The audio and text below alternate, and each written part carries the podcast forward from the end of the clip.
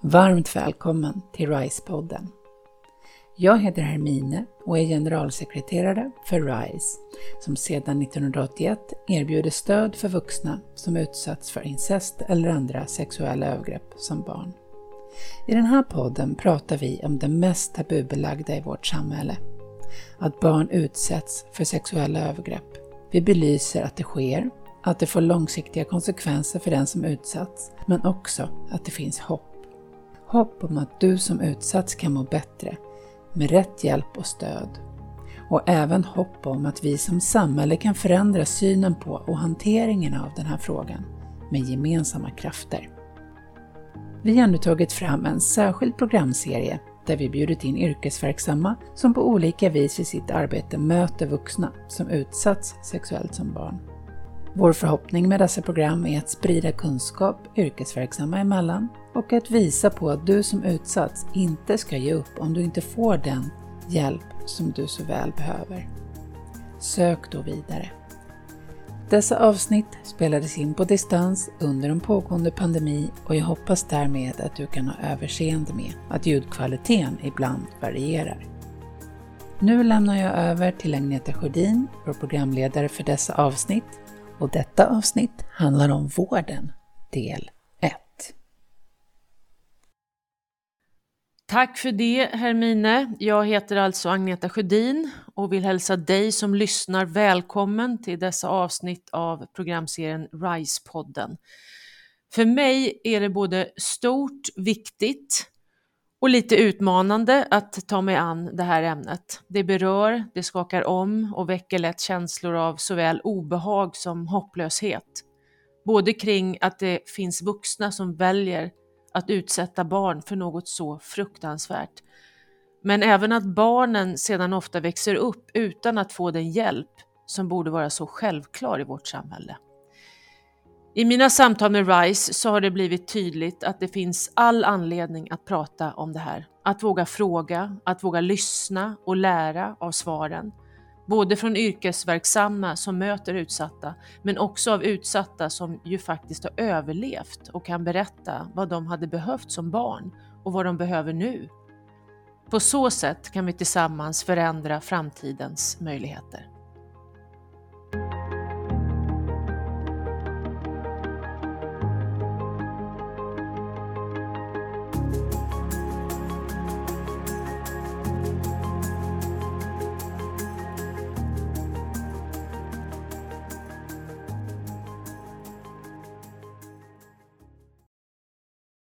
I undersökningen Se mig som RISE publicerade våren 2018 så svarade närmare 200 medlemmar i RISE på frågor kring deras upplevelser om vården.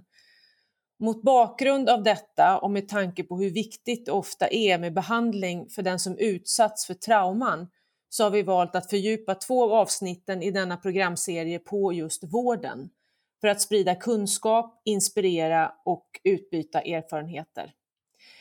Därför hälsar jag er tre, Björn Hallström, Joakim Skott och Sofia Ödman, varmt välkomna till dagens avsnitt.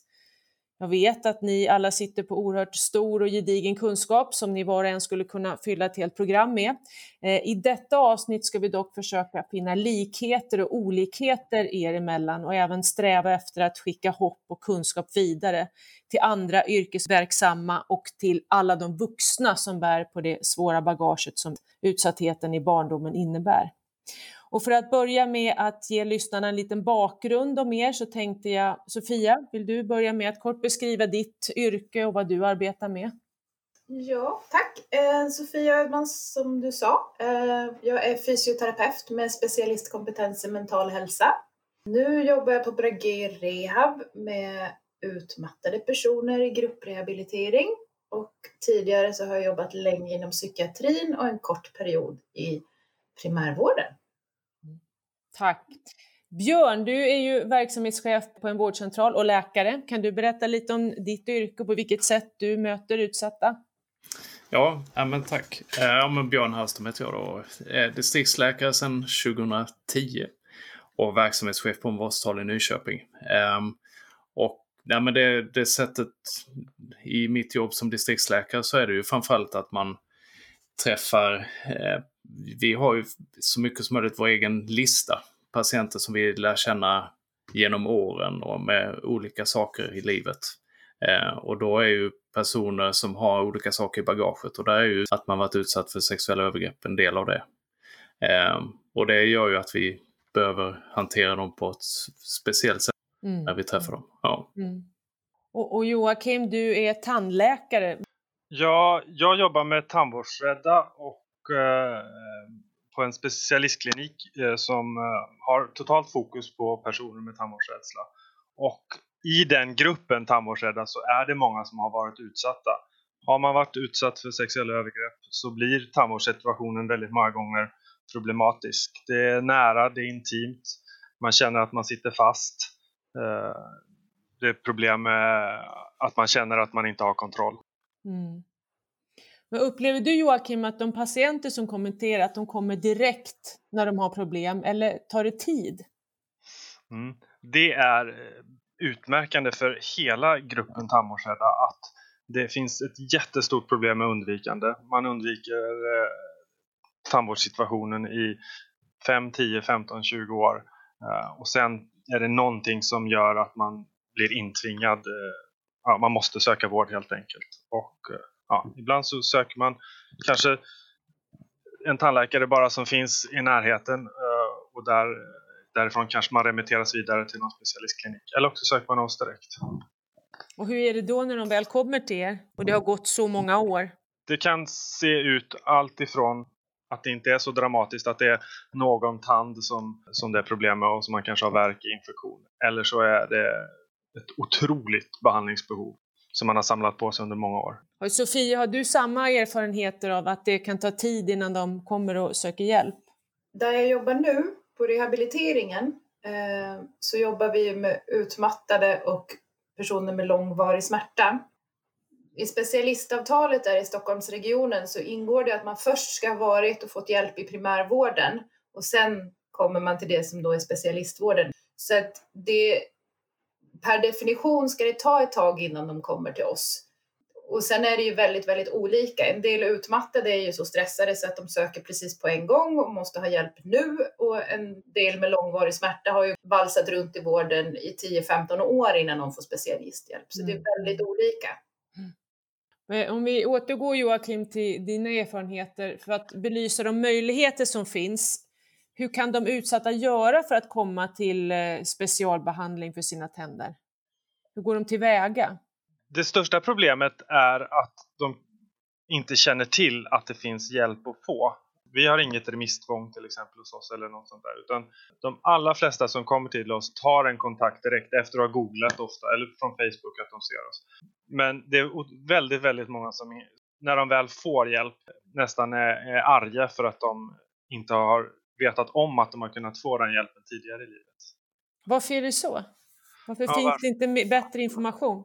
Det är väl många faktorer. Det är också så, är du tandvårdsrädd så undviker du allt som har med tandvård att göra.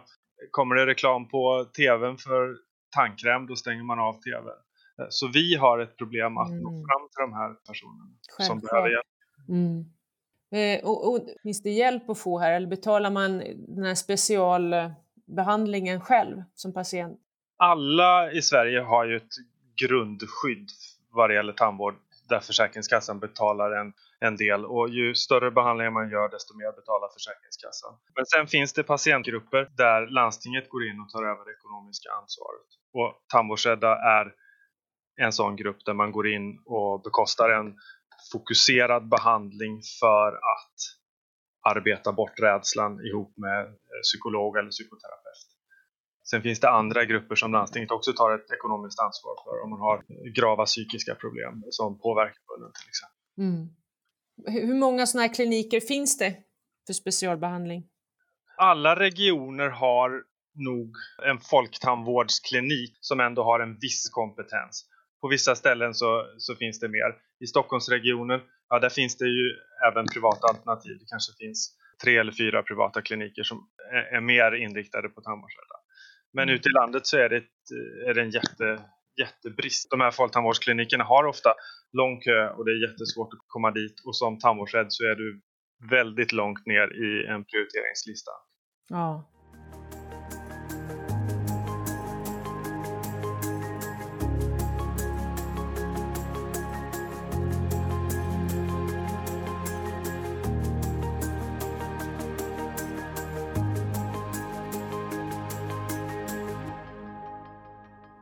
Men Sofia, hur fungerar det för den som vill komma på rehabilitering för utmattning eller smärta i kroppen?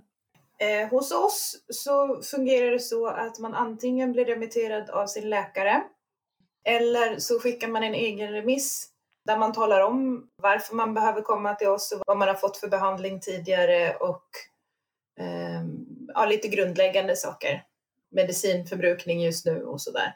Mm. Eh, och sen så kommer man till oss på bedömning. Först ett kartläggande samtal där arbetsterapeuten gör en kartläggning eh, och sen så kommer man på bedömning till läkare, psykolog och fysioterapeut. Och sen tas det ett gemensamt beslut i teamet och med den patienten eller blivande deltagaren om det är så att vi tror att det här är den bästa behandlingen för just den personen just nu. Mm. Eh, så det är en ganska lång bedömningsprocess och redan i den här egenanmälan som alla, även de som blir remitterade av läkare, fyller i, har vi en fråga där det är så har du varit med om en svår händelse i livet. Eh, så redan där börjar vi screena för om det finns trauma i bakgrunden. Sen är det ju inte alls alla som fyller i där, men det är ändå en fingervisning om att här på vår klinik tycker vi att det spelar roll och är en viktig bit. Mm. Genom forskningen så vet vi idag att många diagnoser som är till synes vanliga folkhälsoproblem kan vara starkt kopplade till svåra upplevelser i barndomen och däribland sexuella övergrepp. Vanliga hälsoproblem kan till exempel vara mag urinvägsproblem, blodtrycks och hjärtproblem, halsproblem, astma, sömnsvårigheter, värk i kroppen, ångest och depression.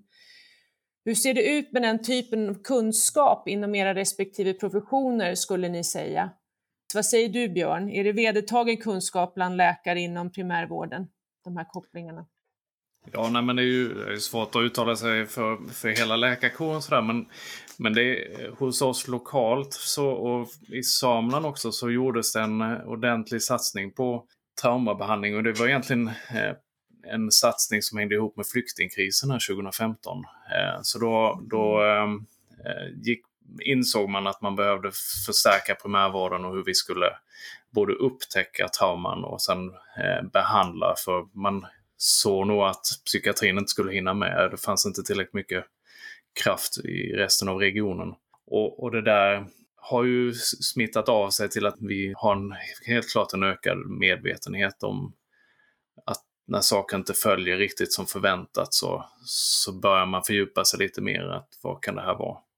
Och det är ju egentligen inte så annorlunda än, än vad vi gör när vi behandlar andra saker. Att, eh, ja, men först har man blodbrist, då är det vissa saker som är det mest vanliga. Och så är det ju också om man har ont i magen. Ser man sen att nej, det här blir inte som det ska, då, då gäller det att fördjupa sig. Eh, och då är våldsutsatthet en del av det. Och det har varit kampanjer också för att vi ska bli bättre på att fråga.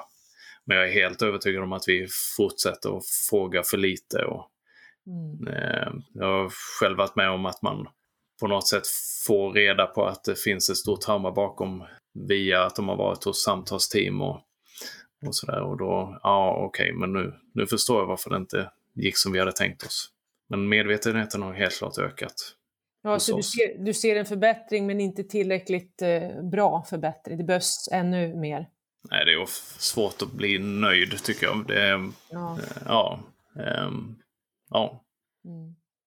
Sofia och Joakim, har ni fått utbildning om, om, eh, sexuella övergrepp i barndomen och vilka långsiktiga konsekvenser det får och behov av bemötande och behandlingsbehov eller har ni skaffat er det på egen hand, kunskap i det här? Sofia? Jag skulle nog säga att jag har ehm, som fysioterapeut inom psykiatrin så blev det snabbt tydligt för mig att det här just sexuella övergrepp men även annan typ av våld är en stor faktor för hur människor mår och psykisk ohälsa. Så därav så blev det ju ett intresse för mig för att kunna bli bra på mitt jobb, att få mm. söka den här typen av vidareutbildningar. Och jag ska säga att jag har haft turen och fått möjlighet att vidareutbilda mig via jobbet, men det har inte varit inte förrän nu, där jag jobbar på Brage idag, eh, som jag har blivit erbjuden, utan man har fått söka själv för att jag har känt att jag behövt det. Mm. Vad säger du Joakim? Jag tror i hela tandläkarkåren så är man väldigt medveten om att det här är en faktor som spelar in. Och ibland så har strömningarna gått att alla som är tandvårdsrädda eller lider av kvällningsbesvär eh, har varit utsatta för sexuella övergrepp. Och så är det inte. Mm, Men, eh, eh, så det har slått lite åt båda hållen där och det har kommit några undersökningar inom tandvården där man har visat på jätte, jättehöga siffror eh, som man kanske många är lite ifrågasätter då. Men medvetandet finns absolut och för oss så blir det kanske lite så här att som tandläkare generellt sett så ser man det som att det blir ett tekniskt problem att utföra den vården som vi vill utföra. Vi är ju inte många gånger så inriktade på att behandla de trauman utan vi vill ju kanske då laga en tand eller göra en mm. rotfyllning och det blir besvärligt mm. med de här patienterna. Mm. Så det blir ett problem ser tandvården att vi inte kan utföra vad vi vill göra. Mm. Sofia, hur skulle du beskriva att ett trauma är? Eh, jag tänker, det är svårt att beskriva ett trauma för det kan vara så väldigt mycket. Men jag tänker utifrån, om vi ser det på nervsystemsnivå, så kan man ju tänka sig att ett trauma är en händelse som är eh, så alarmerande, farlig, livshotande, eh, så att eh, systemet kan inte riktigt hantera det eh, det blir en oerhörd stress i systemet och vi klarar inte riktigt av att reglera den. Eh, och då kan det istället bli så att vi reagerar med att till exempel i ett freeze-läge eller att man bara flyr eller vill slåss för att ta sig därifrån. Jag skulle säga att man kan se trauma som en massiv stressreaktion i kroppen, i nervsystemet och att vi behöver se det som att det har varit en massiv stress eh, som vi på olika sätt behöver hantera framöver. Björn, vill du lägga till något där? Nej, men det vi ser på primärvårdsnivå det är ju, det är ju eh, väldigt stor bredd i det. Och många av traumorna eh, blir ju, ja, att det, det är så alltifrån mildare trauma en gång till otroligt eh, omfattande och under lång tid och många upprepade tillfällen. Och att det ger en eh, helt olika bild också beroende på det. Mm.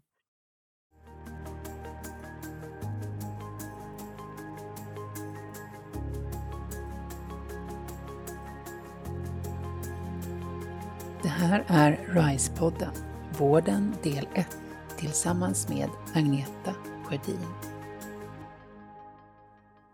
Sofia, jag tänkte om du kunde berätta lite om det som du kallar för predictive mind? Ja, det är uh, the predictive mind. Mm. Um, är någonting som en kvinna som heter Lisa Fellman Barrett har myntat och det handlar om att hjärnan hela tiden förutser vad som ska hända och reagerar innan händelsen har skett för att vi ska vara förberedda och kunna överleva. Till exempel det här att vi långt innan vi blir medvetna om att bussen är på väg att köra över oss har vi hoppat en bit bakåt. Ehm, det är en överlevnadsstrategi och den fungerar utifrån statistik. Så har vi statistik på att det som kommer att hända framöver är farligt och obehagligt så kommer vi att reagera som om det var farligt och eh, obehagligt. Och för att kunna behandla det då som är en exceptionell stressbelastning på vårt nervsystem, till exempel ett trauma eller sexuella övergrepp, då, då så behöver vi kunna ge oss erfarenheter av att omvärlden inte alltid är hotfull och farlig utan även kan vara lugn och mjuk och där vi kan själva kunna påverka, där vi kan göra egna medvetna val och kunna trygga oss. Mm. Hur behandlar man det? Hur jobbar man då? Vi jobbar väldigt mycket med själva nervsystemet, med autonoma nervsystemet, med väldigt grundläggande nivåer. Att um, via kroppsmedvetandeövningar, via närvaro och medvetandeövningar i kroppen lugna kroppsliga signaler. För de här nivåerna är så pass tidiga så att de är ofta preverbala. Reaktionerna är inte medvetna. Hjärtklappningen, andningssvårigheterna, svårigheterna med matsmältningen, det, det är ju ingenting vi kan prata oss ifrån. Så därför så behöver vi ner i kroppen och öva nervsystemet på att lugna ner sig och också öva nervsystemet på att uppmärksamma sånt som inte är farligt, alarmerande, dödshotande. Mm. Och då kommer vi tillbaka till det här med predictive mind, att om vi har ett nervsystem, en hjärna som allt för mycket, allt för länge har behövt eh, skydda sig, fokusera på sånt som är livshotande och har för mycket erfarenheter av väldigt utsatta situationer eller farliga situationer, så kommer det nervsystemet och hjärnan bli bättre och bättre på att upptäcka sådana situationer och övertolka situationer som livsfarliga och reagera som om det var livsfarligt, även om det kanske inte riktigt är det. Mm. Eh, Så de reaktionerna blir inte alls hjälpsamma i situationen som den är nu, utan är en reaktion på hur det har varit tidigare i livet. Och det man då gör det är att öva långsamt och försiktigt, men att öva på att hela tiden behålla en trygghet. Eh, Att aldrig någonsin utsätta någon för någonting som inte känns bra eller som inte känns okej och att man hela tiden är här och nu och själv kan avgöra när man ska sluta eh, eller vad man vill göra istället. Jag tänkte det kan vara en sån enkel sak som att bli, man blir ofta i vården frågad om man har um, vad man behöver. Och om man i hela sitt liv har behövt stänga av sina egna behov för att ha fullt fokus på vad omgär, om, hur farlig omvärlden är, eh, undvika faror, så är det ju väldigt svårt att veta vad man behöver. För det är inte signaler som har varit viktiga för överlevnaden. Så då kan man behöva öva på vad är det egentligen jag vill, vad är det egentligen jag behöver. Då kan det vara en sån enkel sak som att bli erbjuden att ha en kudde i knät. Känns det bättre eller sämre? Och sen också få välja att plocka bort kudden om man inte vill ha den. Eller att behålla den. Sådana väldigt små enkla val kan ge nervsystemet en början till möjlighet att upptäcka att allt faktiskt inte behöver vara det behöver inte vara i high alert hela tiden i hotbevakning. Mm. Hur effektiv har den där behandlingen varit som du har jobbat med? Skulle jag säga att eh, det är den behandling som jag har jobbat med som har varit mest effektiv hittills eh, i Mm. mitt yrkesliv. Vad Eh, spännande. bygger på um, Somatic Experiencing av Peter Levin. Mm. eh, där man fokuserar på nervsystemet, att vi faktiskt är biologiska, vi är flockdjur.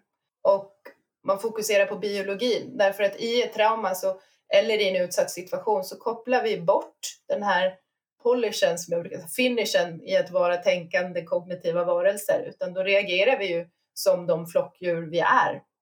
Och att trygga och lugna nervsystemet så pass mycket så att vi kan ha tillgång till våra högre nivåer av hjärnan och kunna göra tänkande aktiva beslut istället för att hjärnan och nervsystemet kidnappar oss och reagerar i det som vi i vardagligt tal kallar instinktivt. Att vi istället kan göra medvetna val och också kanske trygga oss med att jag är här och nu. Den här reaktionen, min hjärtklappning nu beror på ett minne. Det är ingenting här inne som är farligt. Mm. Alltså så kan man lugna sig själv. Det, det är, även om vi inte jobbar med trauma idag så är det det som, är, är det som har hjälpt bäst hittills. Ja, fantastiskt.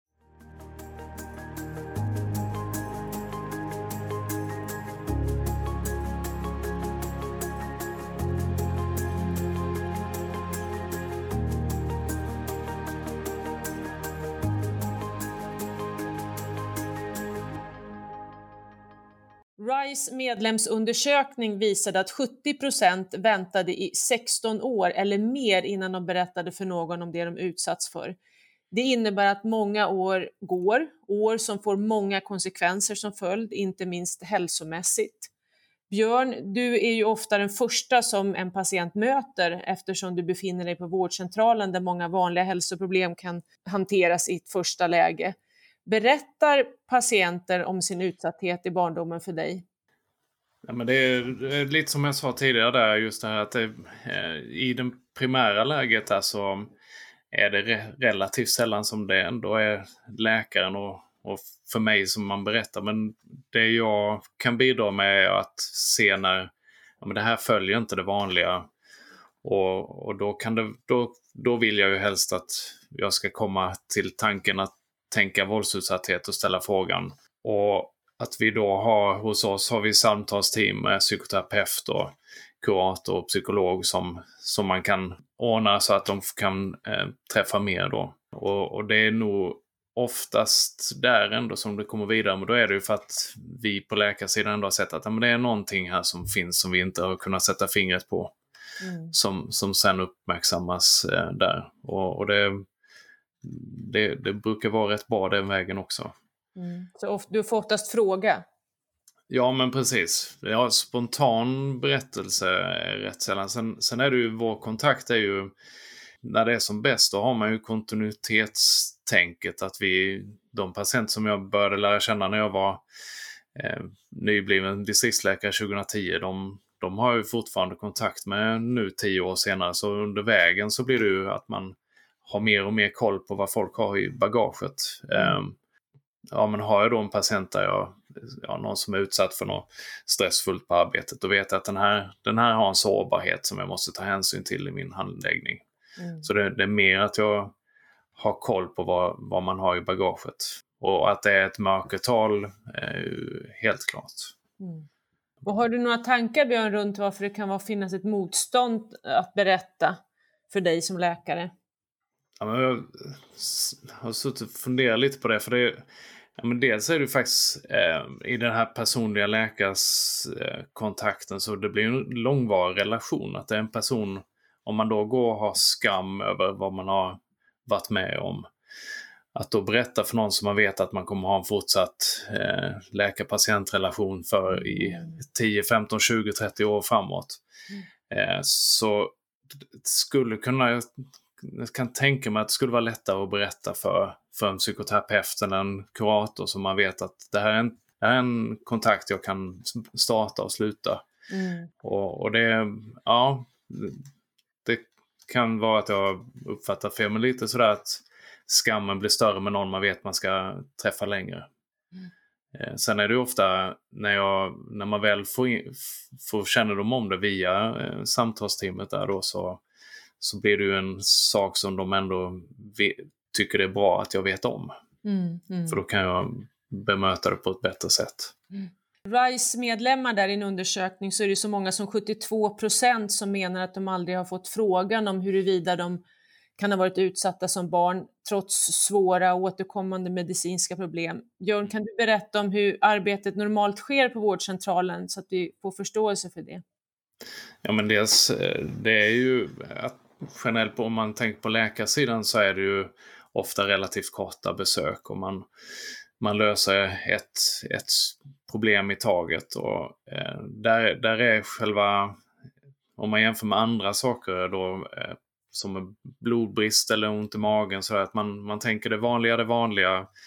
Man försöker utsluta allvarliga saker. Eh, och, och sen, sen är det just att vara uppmärksam när, när det här inte följer som man förväntar sig, då måste den här tanken komma upp att eh, finns det trauma bakom? Och det, efter den här satsningen 2015 så har vi ju vi har ju fått ordning på en hel del eh, mångsökare sådär som vi, vi, har, vi har varit frustrerade och patienterna har varit frustrerade för vi kommer inte till kärnan vad problemet är. Och det, det gör vi i en större utsträckning nu. Mm. Vilket känns väldigt bra. Mm. Men, men det här är en, det, det, är många som har farit illa under, under vägen och att vi fokuserar så mycket på snabba kontakter och bristen på kontinuitet på vårdcentralerna gör ju att det här blir inte alls bra. För då kan det ju vara, träffar man fem olika läkare för buksmärta så tänker varje läkare att ja, nästa får ta tag i det här, nästa får ta tag i det här. Varför tror du att det är så?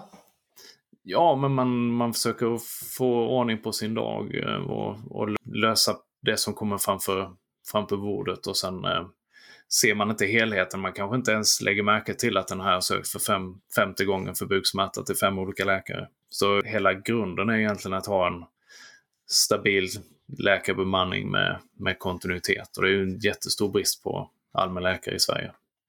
Ja, du menar att det kan vara så att de inte ser att den här patienten har sökt för samma sak flera ja. gånger tidigare. Men ser ja. man inte det när man går in i någons journal? Typ? Ja, eller? Jo, helst. Eh, men det kan vara de kan ha sökt på akuten och många journalsystem ja. är ju inte eh, ihopkopplade så man kan se eh, vad man har gjort på sjukhusen och mm. om man har sökt privatläkare. Och, det är inte så att man undviker för att man tycker att det är ett jobbigt ämne liksom? Nej men det, det tror jag också. Det, det, är ju en...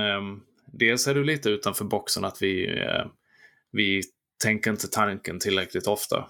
Och, och sen ja, men en viss eh, rädsla också. Att vad är det jag sätter igång när jag ställer frågan och mm. vad ska jag göra med svaret? Om man då sitter på en vårdcentral eller på ett ställe där man inte riktigt har koll på vad, vad hänvisar man vidare. Eh, har man inte ett samtalsteam eller kuratorer och så eh, på sin enhet så är det ju vi som läkare kan inte göra så väldigt mycket åt behandling i det här skedet utan det är ju att hitta mm. rätt mottagare. Mm. På ett bra sätt.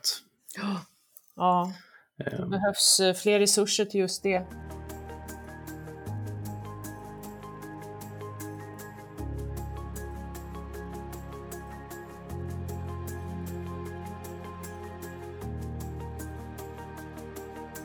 Du lyssnar på RISE-podden tillsammans med Agneta Sjödin. Joakim, du arbetar som sagt med specialisttandvård. Berätta patienter när de kommer till er. När vi träffar patienterna första gången så har vi alltid avsatt en hel timme för ett samtal och det vet patienten om så de vet att det finns tid. Och vi börjar alltid med väldigt öppna frågor. Eh, vi försöker ha en väldigt tillåtande attityd så jag tror att många känner att det både finns tid, för det är en förutsättning tror jag, och att vi lyssnar. Så en del väljer att berätta, men långt ifrån alla. Och jag menar, det kräver ju att man har ett förtroende om man ska, ska berätta sådana här saker. Och eh, första gången man träffar någon så har man kanske inte hunnit bygga det förtroendet tillräckligt långt. Eh, så en del berättar där, så är det. En del berättar längre fram, en del berättar aldrig. Och mm. Det är inte alla utav våra patienter som har varit utsatta för någonting heller. Men eh, Mm. Sen, sen, tror jag det som Björn pratade om att om man räknar med att det här är en kontakt som man ska ha under många år så kan det vara jobbigt att berätta eh, någonting som man skäms för mm. när man vet att man ska ha en kontinuerlig kontakt under lång tid. Eh, jag tror faktiskt att det är en viktig faktor. Mm. Ja, jag förstår. Sofia, vill du lägga till något där? Precis just det att om man ska ha en långvarig kontakt, men att det kan vara en faktor om man vågar berätta eller vill berätta eller inte. Men också det, vad är syftet med besöket? Men om jag söker för besvär med att jag har ont i ett knä mm. så kanske inte jag tänker att det är det som jag behöver berätta för ortopeden. Så det är också vad är syftet med besöket tror jag spelar jättestor roll. Och sen tänker jag att det är också en väldigt sund skyddsmekanism och kanske inte börja en kontakt med att berätta att, att man blev utsatt för sexuella övergrepp i barndomen. Det är ju också ett sunt sätt att skydda sig själv för att slippa spilla sitt allra mest innersta här och var. Det, det är en bra skyddsmekanism mm. också. Men tänker du att de inte själva förstår kopplingen mellan eh... det fysiska och det de har utsatts för? Det är ju alltid svårt att generalisera sådär, men, men jag har träffat väldigt många människor genom åren där man så intensivt önskar att det här inte längre ska spela någon roll att man vill att det här att man har packat ihop det i en liten låda och lagt den långt in i en garderob gör att det inte längre spelar någon roll. Mm. Och att man är genuint förtvivlad och arg och frustrerad över att det fortfarande, det där vidriga man var med om när man var liten, fortfarande ska spela någon roll i det vuxna livet. Och att det också gör att man helst inte vill berätta. Sen i de patientkategorierna som jag träffar i dagsläget, långvarig smärta, eller, och utmattningssyndrom så skulle jag vilja säga att de, ut, de personerna som söker för utmattning oftare har de har läst på och man har tänkt på sambandet och kopplingen och sådär medan människor med långvarig smärta mer sällan tänker att det kan finnas en koppling där. Och det tror jag också att det har med vårdens attityd kring att eh, stressrelaterad ohälsa, psykisk ohälsa, där har vi en bättre förförståelse för att det här kan det kan vara någonting med trauman eller sexuella övergrepp medan långvarig smärta det sitter ju i kroppen eh, så det tänker man inte riktigt lika mycket på. Mm. Så där kan det vara en skillnad. Mm. Ja. Joakim, det du pratade om att det är liksom när patienten kommer så har du fokus på det de behöver här och nu, inte så mycket på själva traumat. Kan du berätta lite mer om hur eh, det här går till när ni tar reda på vad, vad, patienten behöver? Hos oss blir det ofta, det blir en del, vilken tandvård behöver de här personerna? Och det kan se väldigt olika ut. Och sen blir nästa fråga, hur ska vi kunna komma till den tandvården? Och där handlar det ju väldigt mycket om att få eh, patienten att vara delaktig i valet av sätt att behandla på och eh, att vi är lyhörda. Vi vi pratar väldigt mycket om vad är det man upplever som jobbigt i behandlingssituationen.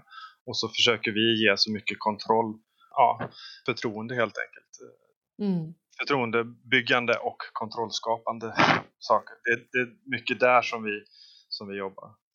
Så det är fokus på här och nu. Vad behöver vi göra här och nu för att det här ska bli bra? Ja. ja. Du jobbar på narkoskliniken, Joakim. Innebär det att ni huvudsakligen använder just narkos för att kunna behandla?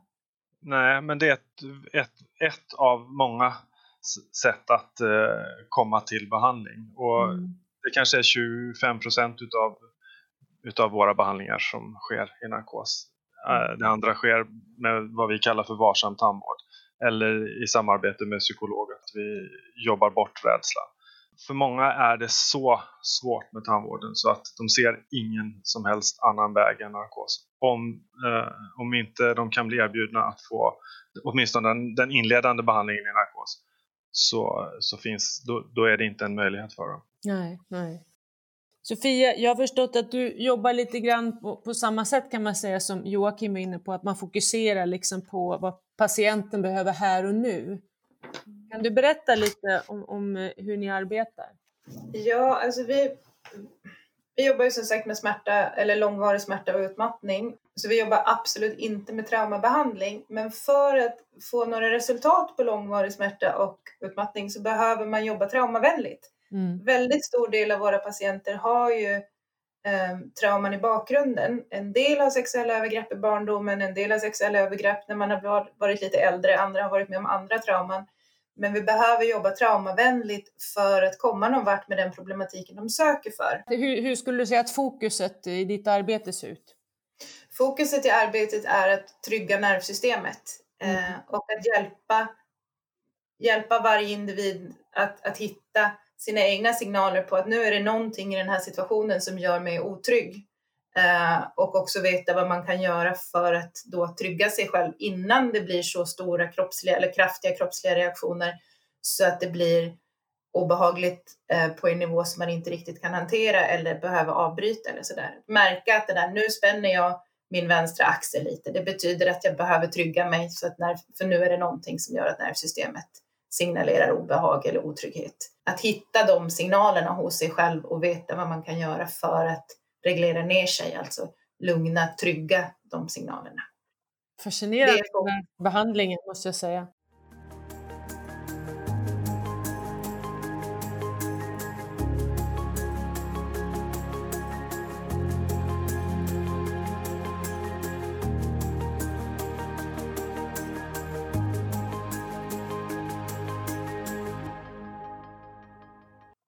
Björn, hur ser det ut med möjligheter till behandling på vårdcentralen? Det ser nog väldigt olika ut, eh, både eh, som i Region Sörmland men i nationellt tror jag det är väldigt stor spännvidd. Vi har det riktigt bra hos oss med eh, två stycken psykoterapeuter som är, har traumautbildning då. Både det här EMDR och en annan med prolonged exposure som är en annan. Till en viss nivå så, så är det ju väldigt verksamma behandlingar som, som vi kan hantera. Eh, men sen när det når en viss komplexitet och ytterligare mer allvarligt, då är, då är det ju psykiatrin vi får skicka till. Mm. Eh, sen är det ju eh, fysioterapi och arbetsterapeuter och, och vi på läkarsidan också som stöttar med de saker som går runt om där för andra symptom kring det. Men mm. själva grund, grundbehandlingen är psykoterapeuterna. Det låter ju som att ni har, har det bra där, ett bra system. Känner ni att ni också utvecklar ni det här hela tiden och tittar vad det är för brister, vad behöver vi göra mer av och vad behöver vi tillföra? Ja, nej, men eh, jo, absolut. Och där är ju också en kommunikation mot sjukhusen. Hur, ja, vad, hur, hur mycket ska vi förväntas klara av? Och Mm. Var går gränsen? Och, och där är ju alltid en gråzon vars, att vi tycker att den här är för svår för oss att klara av. Och psykiatrin tycker att den är lite för lätt för dem, om man säger så. Mm. Eh, och, och det är det lite har det blivit att det, har varit, det är lång kö på de här behandlingarna som kan ta rätt lång tid ibland. Och då, relativt ofta tar de lång tid. Och då det stockar sig så att det, väntetiderna gör att vi kanske gör försök att behandla fall som inte egentligen, ja, vi når inte hela vägen. Mm. Men det är i väntan på behandling på sjukhuset. Då. Ja, hur ser det ut i landsting, på landstinget där du arbetar? Ja, men på Region Sörmland så är det, psykiatrin är ju hårt ansatt också. Det, det är köer på, ja. på traumabehandling. Och sen finns det en del privata aktörer också som, som erbjuder hjälp. Eh, och en hel del av detta kan man ju söka privat hjälp och söka hjälp i andra regioner. Eh, men det är, en, det är en ojämlikhet i det. det, är det. Mm. Tycker du Björn att det finns bra insatser att remittera vidare till för de patienter som fått omfattande skador av övergreppen och som inte kan behandlas på vårdcentralen? Nej, men där är ju ehm, eh, just det där att det varierar så väldigt mycket över landet och även mellan, mellan vårdcentraler och mellan regioner. Och, och, hos oss är det framförallt psykiatrin som vi remitterar till och, och mm. där mäktar de inte alltid med. Och då finns det inte så väldigt mycket alternativ eh, inom länet för de mest komplexa. Tycker du att det ser ut att vara ett sådant problem över hela landet? Eller är det bara på ja, svårt, att, svårt att veta riktigt, men jag skulle gissa. För det här det är tidskrävande. Det är ofta det här är ju inga behandlingar som går att göra så mycket digitalt, alltså i, på distans, och man kan inte göra det i grupp kanske på det sättet som de här mest komplexa, utan det är, det är långvarigt och det är en till en. Mm. Eh, resurskrävande och, då, och det är få personer som kan eh, behandlingen. Så jag skulle gissa att det blir kös, kösituation på många ställen. Ja, jag har förstått att det på RISE eh, är viktigt med lugnande strukturer, ramar och bemötande gentemot den som söker stöd. Ett traumamedvetet bemötande som de kallar det. Det kan handla om hur lokalerna ser ut och är utformade eh, eller att tydliggöra när aktiviteter börjar och slutar.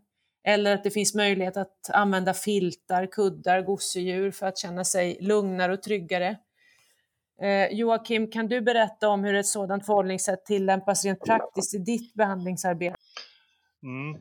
Det är otroligt viktigt, eh, just det här traumamedvetna förhållningssättet. Vi jobbar jättemycket med det också. Vi försöker att alltid sitta ner fem minuter innan en patient har tid så att vi har fullt fokus just på den som kommer in. Vi försöker ha en väldigt stressfri miljö, inga telefoner som ringer, eh, ingenting som stör. Samtidigt så så försöker vi ha en, att det ska vara tydligt att det är en vårdmiljö, att vi inte försöker göra det allt för gulligt eller vad man ska säga, mm. inte att det är en hemmiljö.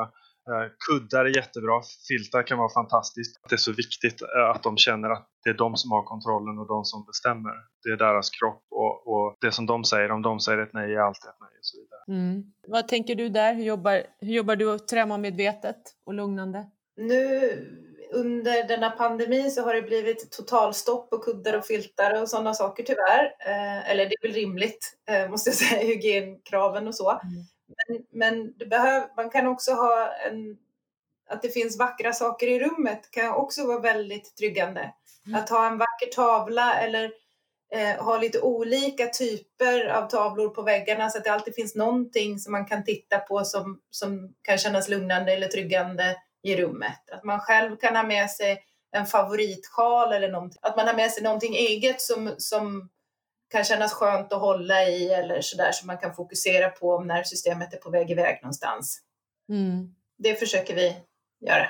Mm. Uh, och förutom då hur man utsmyckar själva rummet och att det är okej okay att ha med sig någonting, något trygghetsobjekt in i rummet, uh, något eget, man också lägger lite tid på var i rummet man vill placera sig och att det faktiskt är okej att byta plats om man har hamnat någonstans i, antingen i ett grupprum eller i ett enskilt behandlingsrum där man känner att man är otrygg. Men också att man kan som behandlare ge förslag. Är det så att det känns bättre för dig om du sitter närmast dörren? Um, trivs du bättre om du får titta ut genom fönstret eller vill du ha utsikt så att du vet exakt var dörren, utgången från rummet är. Det här med att ligga ner, många har en föreställning om att det är så bekvämt och skönt att ligga ner alltid, men vi är också väldigt utlämnade när vi ligger ner. Det är sällan för nervsystemet rimligt att ligga ner tillsammans med andra människor. Det är utsatt och kan vara aktiverande även om vi tror att det ska vara avslappnande och skönt. Så att man har, eh, ger förslag men också har ganska stor kunskap själv kring vad som är tryggande för nervsystemet och vad som kan vara aktiverande. Mm. Har du något tillägg Joakim? Ja, vi har försökt utforma våra rum så att de är uppdelade i två sektioner. En behandlingsdel och en samtalsdel och att vi försöker skilja ganska tydligt på det. I behandlingsdelen, där har vi placerat våra tandläkarstolar så att de står lite snett i rummet så man ska känna att man har hela tiden en eh, fri passage till eh, utgången. Vi försöker att ha de här brickorna där vi har våra instrument. De kommer in från sidan istället för rakt framifrån för att man alltid ska känna att man har en möjlighet att kliva upp om man behöver det. Mm. Och samma sak som eh, du pratade om Sofia, om att, man in, att det inte är bekvämt att ligga ner. Det är väldigt många eh, som tycker att, att ligga ner i tandläkarstolen är det hemskaste som finns. Så vi försöker att jobba maximalt 45 grader och känna att man har öppningen utåt så man inte är låst. Sofia, du har ju också beskrivit att utsatta riskerar att reagera som vilddjur, darrande kaniner eller fastfrusna näbbmöss och att det som avgör reaktionen ofta är just bemötandet av patienten. Finns det framgångsfaktorer i strukturen på just din arbetsplats Sofia som kanske skiljer sig från andra delar av vården? Ja, Eh, och då skulle jag vilja säga att, eh, man, att man riskerar just därför att det är, inte med, det är inte ett medvetet val att man blir darrande i ett hörn eller att man eh, slåss för sitt liv eller bara helt enkelt springer därifrån utan det är ju återigen eh, våra däggdjursinstinkter som tar oss dit när det blir en farlig situation eller en situation som nervsystemet uppfattar som så farlig. Alla som är hos oss får utbildning i trauma. Vi har en grundläggande tanke kring att om någon behandling överhuvudtaget ska fungera så måste alla som kommer till oss få känna sig trygga och trodda. Mm. Eh, och det låter som en floskel, men det är verkligen det vi jobbar med från första samtalet till dess att de slutar hos oss Eh, i receptionen till städarna, till vi som behandlare, till ledningen. Trygg och trodd, annars kommer vi ingen vart med behandlingen. Och det är dels trygg och trodd i det aktiva bemötandet, men även på nervsystemsnivå. Det här att, att man har möjlighet, som Joakim sa, det här att man upplever att man kan gå därifrån. Eh, du får välja att inte stanna i rummet om du inte det behöver inte ens bli någon stor grej, men om du får en känsla av att jag vill gå härifrån nu så är det okej okay att göra det. Upplever ni det ofta att det, att det inträffar? Att människor behöver gå därifrån? Ja. Eh, oftast så behöver man inte det. Om man lyfter det som att så här har vi, alltså du bestämmer själv. Mm. Eh, då, bara att man vet att det är okej. Okay, så behöver man oftast inte ta till det beteendet. För att, man, för att det är så pass tryggande i att ja, men här får jag göra som jag vill. Mm. Joakim? Mm. Ja, jag skulle säga samma sak. Jag tror aldrig, jo det har hänt någon gång att någon har lämnat. Men eh, däremot, vi har speciella stopptecken när man lyfter en hand eller eh, tittar på oss på ett speciellt sätt. Där vi lovar att vi alltid slutar omedelbart. Det är väldigt många som testar av det en gång. Slutar de verkligen när jag ser till? Sen finns det sällan ett behov av att, göra det mer. Mm. Men bara, bara vetskapen om att vi lyssnar gör att man inte behöver, behöver stanna så mycket.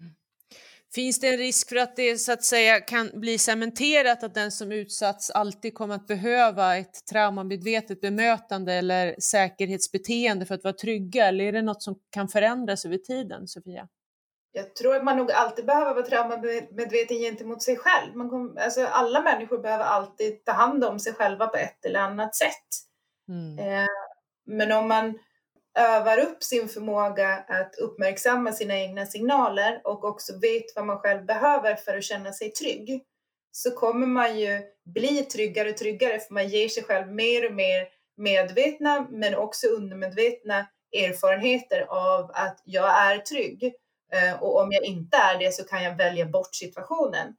Eh, och när de erfarenheterna överstiger erfarenheten av att inte kunna välja bort en otrygg situation till exempel, då behövs ju inte det på samma sätt längre därför att då har nervsystemet lärt om, eller vad man ska säga. Mm, mm.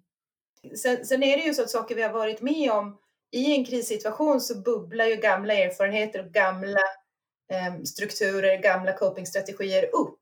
Men ju mer vi vet om oss själva, desto bättre vi är på att trygga oss själva och vårt nervsystem, desto mindre är säkerhetsbeteendet intressant. Mm. Om du inte blir otrygg så behöver du inte ditt säkerhetsbeteende. Nej, sant. Björn, jag vet att du särskilt nämnt att det är svårt att urskilja männen som utsatts som pojkar. Vad vill du säga något om det? Ja, men det, inför det här programmet så eh, reflekterade både jag och kollegorna på Vårdcentralen sådär lite.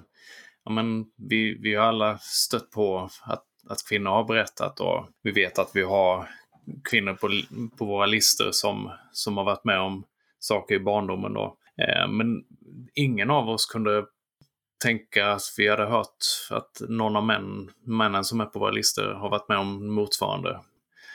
Och vad anledningen är, det måste ju vara ett stort mörkertal. Och hur man når dem. Söker de sig andra vägar eller är det helt andra symptombilder som de får? Eh, är det, hamnar man, ja, bara rent spekulativt, är det, hamnar man i missbruk istället eller är det eh, mer aggression och eh, ja, inom kriminalitet och sådär, att det är där som man hittar. Jag har ingen aning vet, där det riktigt. vet man alltså inte? Det finns ingen forskning på det eller? Jag vet inte. Mm. Jag vet faktiskt inte. Men, men att på vår vårdstal som har drygt 17 000 listade så bör det ju finnas en relativt ansenlig grupp i alla fall som, som har hälsoproblem. Vad de har varit utsatta för. Eh, Ja, definitivt. Jag vet Ehm. ju, jag känner ju eh, några i min bekantskapskrets som har Mm. blivit män som har blivit Mm. utsatta, så att de finns ju där, absolut. och, om det som du är, säger, intressant att se hur yttrar det sig. och ännu mer, kanske ännu mer tabu och ännu mer skambelagt. Då. Just Men det, det är- som man så ska man liksom vara stark och klara och hantera saker. Ja, Mm. nej men det, det var sådana tankar vi diskuterade mycket på jobbet här inför den här Mm. avsnittet. Intressant. Sofia och Joakim, har ni, hur ser att planera patienter? Är det, är det jämnt fördelat eller är det... Mm. Joakim? Jag skulle säga, då och då eh, så träffar jag ändå på någon man, men det är ju absolut mycket mer ovanligt. Eh, om det kanske är 10% av dem som jag känner till, nej inte ens 10, 5 av dem jag känner till som har varit utsatta. Jag måste säga i tandvårdssituationen, då är det ingen skillnad på hur de reagerar mot hur kvinnorna reagerar. Mm. Men det är intressant det du säger, går man mer till miss, åt missbrukshållet kanske, det är inte alls omöjligt. eh, Så skulle jag kunna tänka mig. Men kanske inte just bland våra patienter. Mm. Sofia? Jag tänkte på det, just det här att erfarenhetsmässigt, jag har absolut ingen vetenskap bakom det här utan det är erfarenhet bara, att, att man beskriver sina traumatiska upplevelser olika. Och det var inte särskilt många år sedan som man fortfarande sa att män kan inte bli våldtagna. Eh, så att det finns ett samhällsperspektiv på eh, hur man beskriver vad var det jag var utsatt för. Eh, som jag tror kanske kan ha en hel del med det här mörkertalet som vi pratade om, som jag också tror finns, att göra. Hos oss så har vi minst lika stor andel av männen som har varit utsatta för traumatiska händelser. Och sen så utforskar vi ju inte vidare på vilket sätt man har varit utsatt för traumatiska händelser, för det är inte riktigt, det är inte riktigt hjälpsamt när man är patient eller deltagare hos oss. Men jag skulle tro att det är precis som i psykiatrin, att om, no, att, att om man började titta på det så skulle man se att det kanske var ganska liknande händelser medan, medan kvinnorna beskriver det mer sexuella och männen det mer våldsamma.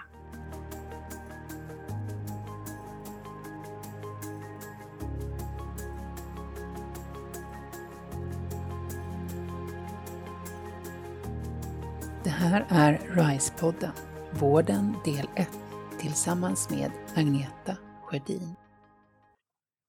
Hur mycket utbyter ni kunskap mellan varandra i olika yrkesverksamma grupper runt sådana här trauman och de som blivit utsatta i barndomen för övergrepp? Björn får börja. om du vill. Ja. Mm. Ja, nej men eh, det vi har märkt är ju att eh, det som den här eh, kunskapshöjningen som gjordes hos oss lokalt på Vårdcentralen, den har ju smittat av sig. Så vi genom att upp, uppmärksamma oss i läkargruppen på vilka sökorsaker och diagnoser som det här är mer frekvent så har vi ju lärt oss jättemycket av samtalsteamet och de som gick utbildningarna. Och det är ju hela tiden en dialog. Vi sitter i samma hus och har dialog kring de här patienterna. För det vi ska ju finnas med där hela vägen. Ibland Mm. i bakgrunden och ibland är det bara vi och ibland är det lite mer eh, på samtalsteamsidan. Då. Så det, det smittar. Mm. Så du känner att det, eh, hos er så känns det som att där släpper ni liksom inte greppet utan där fortsätter ni liksom att... Mm. Mm. Upplever du att det är så i övriga Sverige också eller? Nej, men det ser ju väldigt olika ut. Många vårdcentraler eh, i, an, i, andra regioner så har man ju inte eh, paramedicinska kompetenser på den lokala vårdcentralen utan det är ju utspritt i, i stan och, och sådär. Att det är frikopplat från vårdcentralen. Mm. Eh, och så som man lagt upp det i regionsamlaren blir ju riktigt bra då för vi kan kommunicera kring patienterna dagligen. Det kan du sprida vidare. Ja, nej, men det kan man hoppas. Ja. ja. Ja. Man ska sprida bra saker. Ja, men precis. Ja. Sofia, vad säger du? Delar du mycket av dina erfarenheter med andra? Internt på jobbet så är vi ju, vi jobbar ju team, på riktigt i team med läkare, fysioterapeut, psykolog, socionom och arbetsterapeut. Eh, och vi träffas ju kring våra deltagare, dels redan från bedömningen, men sen vidare genom hela rehabilitering. Så vi utbyter ju dels erfarenhet om, om själva deltagarna eller patienterna, men också kunskapsutbyte. Om någon har gått en utbildning så delar vi ju med oss till varandra. Mm. Joakim, är det något du vill lägga till? Nej, det är väl lite samma för oss. Det finns bland tandläkare en förening som eh, utbyter kunskaper eh, bland de som arbetar med de här eh, patientgrupperna. Och den är jättevärdefull, för man kan känna sig lite ensam annars. Sen så vi utbyter mycket med våra psykologer som vi har jobbande på vår klinik. Och det kom en, en reform inom tandvården för ett antal år sedan där landstinget finansierar behandlingar ihop med psykolog, när tandläkare och psykologer jobbar ihop. Och det har gjort eh, att vi har kunnat bredda vårt samarbete jättemycket och ja, kunskapen har lyfts jättemycket inom tandvården tack vare det. Blev du det också Björn, att man kan samarbeta där? Ja, men det, där är det ju... Ehm, det svåra är ju just att det kan fastna där, att det är köer på nästa... Mm. Vi kan mm. inte påverka en annan instans. Mm, det var du inne på tidigare. Ja, och mm. sen är det ju eh, patienter som är på tårna och, och, verkligen vill komma vidare. De söker ju egna kontakter och mm. kan leta upp adresser som vi kan skicka remisser till och sådär. Och, och där kan det ju ibland vara svårt att, att ha koll på då, vad händer där på det andra stället. För det har, de, det är, där är det inte ofta vi får kommunikation tillbaka utan då är det patienten som meddelar hur det går. Ja, ja, just det. Sofia, mm. har du några erfarenheter här? Jag skulle säga att hela frågan har blivit, alltså det här med sexuella övergrepp i barndomen och att det fortsätter att vara en, en pusselbit i resten av livet. Eh, vetskapen om det, om kunskapen om det har, har, ökat mer och mer och mer, tycker jag. Det finns förstås fortfarande mycket att göra och framförallt eh, där att man vet att det spelar roll betyder ju inte alltid att man har ett traumavänligt bemötande. Men jag tycker att det händer saker på, dels med intresset för att lära sig mer om på vilket sätt det spelar roll och vad man kan tänka på, både hos de som har varit utsatta men framförallt i yrkeskårerna, både hos fysioterapeuter och läkare, men även psykologer, psykoterapeuter tycker jag, eh, mot när jag jämför med när jag började i psykiatrin för 15 år sedan. Eh, så att jag tycker att det, kunskapsutbytet måste ha skett någonstans för att kunskapsnivån har ökat. Och det är inte längre lite apart att prata om att det spelar roll som det var för 15 år sedan, utan sexuella övergrepp är en del av livet. Eh, om du har den erfarenheten så är det en del av livet och det kommer att spela roll. Mm. Eh, det är inte konstigt längre. Sen vet många inte vad de ska, hur man ska göra med det. Eh, men jag tycker att kunskapen har ökat och intresset har ökat. Mm. Ja, för du har också sagt att det är viktigt att fråga patienten om de fortfarande är utsatta.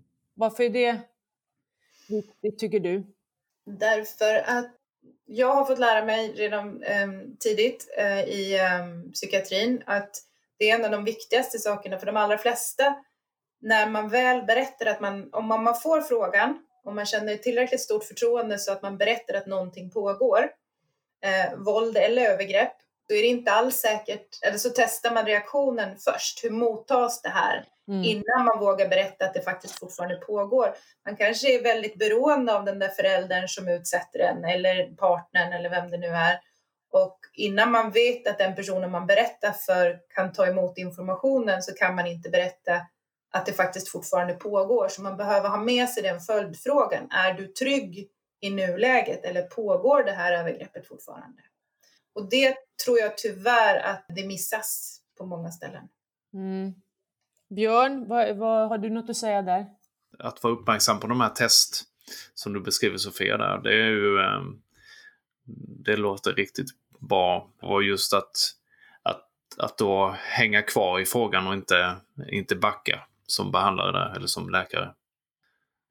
Våga gå lite. Sen, sen behöver du inte vara, jag som läkare behöver inte veta hela historien, men just att veta är den pågående eh, så är det oerhört viktigt. För det har en brutal påverkan på vardagen och eventuell sjukskrivning och allting. Det kan ju vara helt kontraindicerat att, att sjukskriva någon som har en pågående våldsutsatthet hemma. Vad tror du Björn behövs för att vi ska ha ett stabilt skyddsnät i vårt samhälle för dessa utsatta personer som kämpar för att må bra? Det är en eh, stor kombination av hela, hela välfärden med hälso och sjukvård är ju bara en liten del av det. Det är ju allt sjukförsäkring och sociala myndigheter och, och eh, sen, sen vi i hälso och sjukvård är en, en del av det. Men det är, vi primärvårdsperspektiv så är det ju att få stabilitet på bemanningsfronten och att man ska ha hög tillgänglighet och komma till när man behöver ha hjälpen. Då, då kan vi vara en, en stabil fyr att, att hänga sig fast vid ändå. Mm. Eh, oavsett om vad det gäller under livets resa. Där. Mm. Och att vi har kännedom om, om då vad folk har i bagaget. Eh, för vi, vi, vi har med det. Sen är det inte alltid relevant när kommer man för ont i näsan så har det kanske inte relevans den gången. Men rätt för det så har det relevans. Och då, då vill vi ha med det. Mm. Utan att det ska kännas som en stämpel. Jag har förstått att det är många som tycker att det är väldigt eh, kämpigt och besvärande att berätta sin historia om och om igen när man besöker vården. Är det nödvändigt? Vad, vad krävs det, Björn, om du ska remittera vidare en patient? Vad, vad, hur tar du hand om det? Liksom? Hur, mm. hur, tar du det i samrådan med patienten och går igenom allting väldigt noga, eller hur ser det ut? Ja, men eh, det är ju eh, att, att veta om det här att, att någon har varit utsatt för sexuellt övergrepp gör ju att både de lokala undersökningar som jag gör lokalt på vårdstalen, det kan vara rektoskopi, ja, undersökning av av rektum och anus, eh, gynundersökning, en del... Eh, Gastroskopi och ja, där. Ja, men och sen om man skickar vidare eh, så behöver jag ju... Ehm, eh, det behöver ju framgå av remissen varför mottagaren behöver hantera den här personen på ett speciellt sätt. Mm. Och då, då vill jag ju också veta av patienten då, vad, vad får jag skriva? För det är viktigt att, att det framgår tydligt att det här kommer inte gå att göra i, eh, utan narkos, till exempel en gastroskopi eller koloskopi. Och, och, det är ju, um, där, det är ju ett ypperligt exempel där, där det här faktiskt är jätterelevant för mig som fast eh, läkarkontakt och har kännedom om. Eh, både i mina egna undersökningar och när jag remitterar. Mm. Att berätta att man har varit utsatt betyder inte att man måste berätta minsta detalj. Det är inte nyttigt för någon. Jag vet att det är många som drar sig för att berätta för man vill inte berätta alla detaljer och man tror att man måste vända ut och in på precis varenda tillfälle och sådär. Och också många behandlare som undviker att ställa frågan för man tror att man måste få världens tyngd av berättelse. Nej men också i, i det som Sofia säger, för oss så tycker jag det, eh, om patienten vill berätta så är det för att eh, de ska må bra utav, att det känns bra för dem att berätta. Det gör inte att min behandling kommer att se annorlunda ut. Mitt bemötande är detsamma om de berättar eller om de inte berättar. Men för en del personer känns det bra att berätta och för andra känns det inte bra. Jag ska tillägga också med hur man dokumenterar i journalen och sådär. Jag brukar ha lite som käpphäst att det, inte, det ska inte stå på många ställen i journalen. Utan det, det, ska vara på ett ställe. Sen kan man hänvisa till att den har varit med om ett stort trauma. Och att det inte översvämmas eh, med detaljer. Sen om det ska användas till rättsintyg och sånt där senare så kan det finnas idé att ha detaljer. Men jag vill inte att det ska stå en massa detaljer i journalen. Nej. Om ni får tänka fritt, vad tror ni då att de ni möter som varit utsatta skulle vilja ha för bemötande eller resurser om förutsättningarna fanns? Vad skulle vara ett, ett förhållningssätt, en minsta gemensamma nämnare för de yrkesgrupperna som möter eller kan tänkas möta utsatta? Björn? Ur ett läkarperspektiv bara på vårdcentral så här så är det ju eh, att veta om att en person på den här vårdcentralen som jag har mycket kontakt med ändå har koll på det här. Eh, och, och vet när det skulle kunna ha relevans, eller i alla fall att få upp frågan då när det kan vara dags att det ska bli relevant. Mm. Joakim? Jag tror att det som är viktigast för de som tycker tandvård är jobbigt, det är att de får träffa samma personer år efter år efter år. Den höga personalomsättning som är idag är ett gissel för dem. Eh, det är så viktigt med att skapa den här förtroendefulla relationen. Eh, och den bygger man inte på tio minuter utan det krävs lite mer tid och den behöver få fortgå genom åren. Mm. Sofia? Jag skulle säga att det där med att se helheten, att vårdpersonal vet vilka konsekvenser sexuella övergrepp i barndomen kan ge just med samsjuklighet och annat. Eh, störningar i autonoma nervsystemet eh, som kan ge alla möjliga typer av sjukdomar. Att man tar ett helhetsgrepp på det och inte skickas runt i vården vid olika specialiteter utan kan få en egen kunskap om att det här hänger ihop och att man också kan få, vi har varit inne på teamarbete tidigare, men att man kan få behandling, inte bara för trauma och sexuella övergrepp, utan att man kan få den vård man behöver av professionella som har stöd i varandra och som är ett tryggt team kring det. Förståelse för att traumat, sexuella övergreppet är en del av livet och den finns där och man behöver ta hänsyn till den men man är också väldigt mycket andra saker. Det är inte hela ens person, det är inte hela ens erfarenhet. Mm. Nej, sant.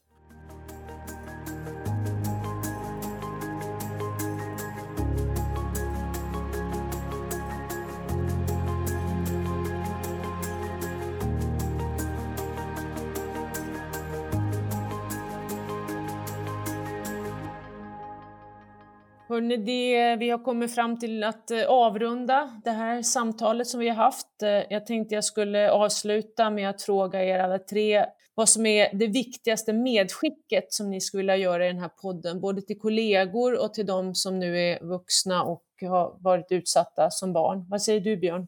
För kollegor tänker jag att ändå tänka det här eh, när, när saker inte följer vad man förväntar sig, att, att då ha i åtanke och fråga om våldsutsatthet.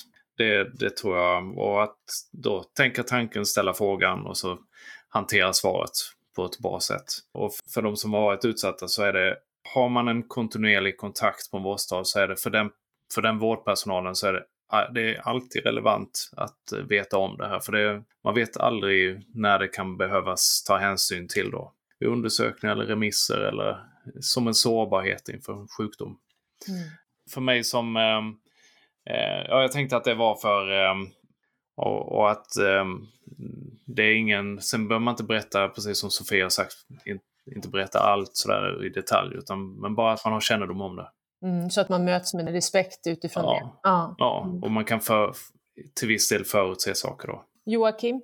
Jag skulle säga till den som har varit utsatt, sök en vårdgivare som du trivs med. Man är, sitter inte fast hos någon utan tycker man inte att det fungerar, sök vidare. Leta efter en vårdgivare där man kan vara delaktig i utformningen av tandvården så tror jag att det kommer att fungera väldigt mycket bättre. Mm. Och något till kollegor? Ja, jag tror att medvetenheten finns men jag mm. tror att man är mer rädd än vad man behöver vara för att träffa de här personerna. Sofia? Jag tänker till personer som har varit utsatta. Kom ihåg att personer inom vården gör sällan fel med vilje. Man gör så gott man kan och vet inte mer än så. Och att lär dig så mycket du kan om vad du behöver och vad du blir trygg av och förmedla det mm. i vårdmöten så blir det mycket, mycket lättare för vårdpersonalen att ge dig det bemötande just du behöver. Och till kollegor skulle jag vilja citera en, en av de första utbildningarna jag gick i det här ämnet. Den hette Våga se, kunna behandla. Och precis som du var inne på Joakim, det här att man behöver inte vara så rädd för att möta de här människorna, för det gör man ändå. Och det blir väldigt mycket lättare att bemöta de här människorna om man vågar se att den här elefanten i rummet finns ju faktiskt i rummet. Den behöver kanske inte vara i fokus just nu, men vi behöver veta att den är här. Mm. Mm. Vad bra hörni! Fantastiskt bra! Bra samtal och stort tack hörni för att ni tog er tid för att vara med och dela mer av erfarenhet, kunskap och klokhet. Det kändes jättebra. Stort tack! till er och lycka till i fortsättningen med allt ert arbete. Det är viktigt. Du har lyssnat på RISE-podden, Vården del 1, tillsammans med Agneta Sjödin. Missa inte kommande avsnitt i den här programserien och vill du ha mer information om vad RISE arbetar med, besök rise-sverige.se